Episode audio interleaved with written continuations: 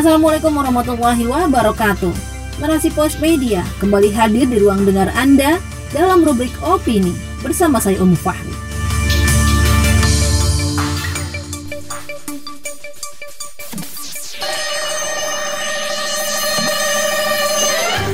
Ironi 76 tahun merdeka. Setengah juta lebih mahasiswa putus kuliah oleh Nina Marlina AMD. Pandemi COVID-19 menyebabkan jumlah angka kemiskinan meningkat. Kesulitan ekonomi dan mahalnya biaya kuliah membuat banyak mahasiswa putus kuliah. Sahabat Terasi Pos Media, tanggal 17 Agustus lalu, bangsa Indonesia merayakan kembali HUT RI yang ke-76 Meski banyak pandemi, tak mengurangi antusias rakyat dalam memperingatinya dengan berbagai kegiatan. Seperti biasa, banyak harapan bangsa Indonesia di tahun ini. Pemerintah pun mengambil tagline atau tema HUT RI tahun ini yaitu Indonesia Tangguh, Indonesia Tumbuh.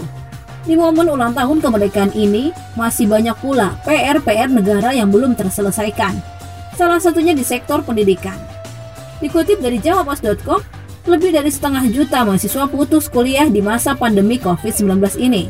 Informasi tersebut disampaikan Kepala Lembaga Beasiswa Basnas, Sri Nur Hidayah, dalam peluncuran zakat untuk pendidikan di Jakarta secara virtual. Pengutip data dari Kemendikbudristek, Tri mengatakan, sepanjang tahun lalu, angka putus kuliah di Indonesia mencapai 602.208 orang. Melihat kondisi demikian, tentu menjadi keprihatinan kita bersama maka ada lembaga yang berupaya untuk membantu para mahasiswa yang kesulitan ekonomi dengan pemberian beasiswa. Selain itu, jurnalis sekaligus presenter sebuah acara televisi Najwa Sihab melakukan kerjasama dalam peluncuran program donasi untuk membantu mahasiswa melanjutkan studi. Kondisi ini tentu membuat kita prihatin. Ironi di tengah usia bangsa ke-76 tahun, pendidikan belum dapat diakses dengan mudah. Di antara faktor penyebab putus kuliah, setengah juta lebih mahasiswa ini adalah karena kemiskinan, biaya kuliah yang mahal, dan pandemi yang belum kunjung usai. Selain itu, ada pula mahasiswa yang pindah program studi di kampus yang berbeda, sehingga kampus asalnya menganggap putus kuliah. Ketiga faktor penyebab di atas memang sangat berkaitan. Pandemi COVID-19 menyebabkan jumlah angka kemiskinan meningkat. Banyak usaha yang gulung tikar, pengangguran, dan pedagang kecil sulit berjualan. Alhasil, rakyat miskin pun tak mampu membayar biaya kuliah yang mahal. Misalnya, biaya uang kuliah tunggal UKT yang harus dibayar siswa setiap semesternya, baik di perguruan tinggi nasional ataupun swasta. Tak hanya mahasiswa, dari jenjang sekolah juga banyak siswa yang putus sekolah akibat berbagai faktor. Faktor utamanya adalah kemiskinan. Hal ini tentu harus menjadi perhatian serius, terutama pemerintah dan Kemendikbudristek Semestinya, biaya tak boleh menjadi hambatan bagi anak bangsa untuk bisa mengenyam pendidikan bahkan sampai ke jenjang perguruan tinggi. Dengan banyaknya mahasiswa yang putus kuliah, akan menyebabkan berkurangnya generasi cerdas, berprestasi, dan memiliki potensi yang besar. Negara akan kehilangan generasi penerus, para pemimpin yang akan memajukan bangsa dan negara. Dalam Islam, setiap individu memiliki kewajiban untuk belajar atau menuntut ilmu.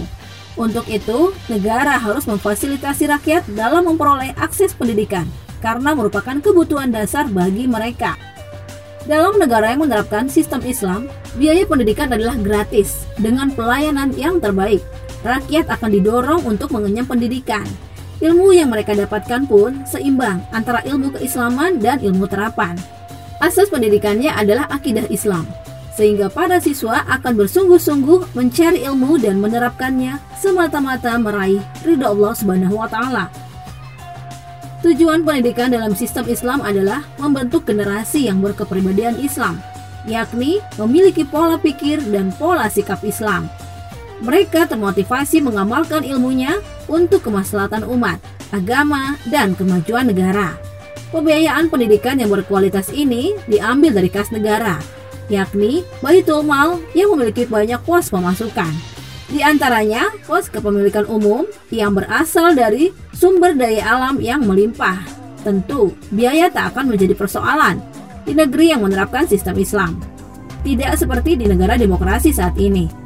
negara berlepas tangan dalam pengurusan urusan rakyat. Dengan demikian, sistem Islam akan mampu mewujudkan kemerdekaan hakiki dengan baiknya pelayanan pendidikan kepada semua rakyatnya. Generasi cerdas, berjiwa pemimpin, dan berkepribadian Islam akan semakin banyak berkontribusi terhadap Islam. Wallahu alam bisawab. Demikian rubrik opini kali ini. Kita ketemu lagi di narasi pos media. Cerdas dalam literasi media, bijak menangkap peristiwa kunci.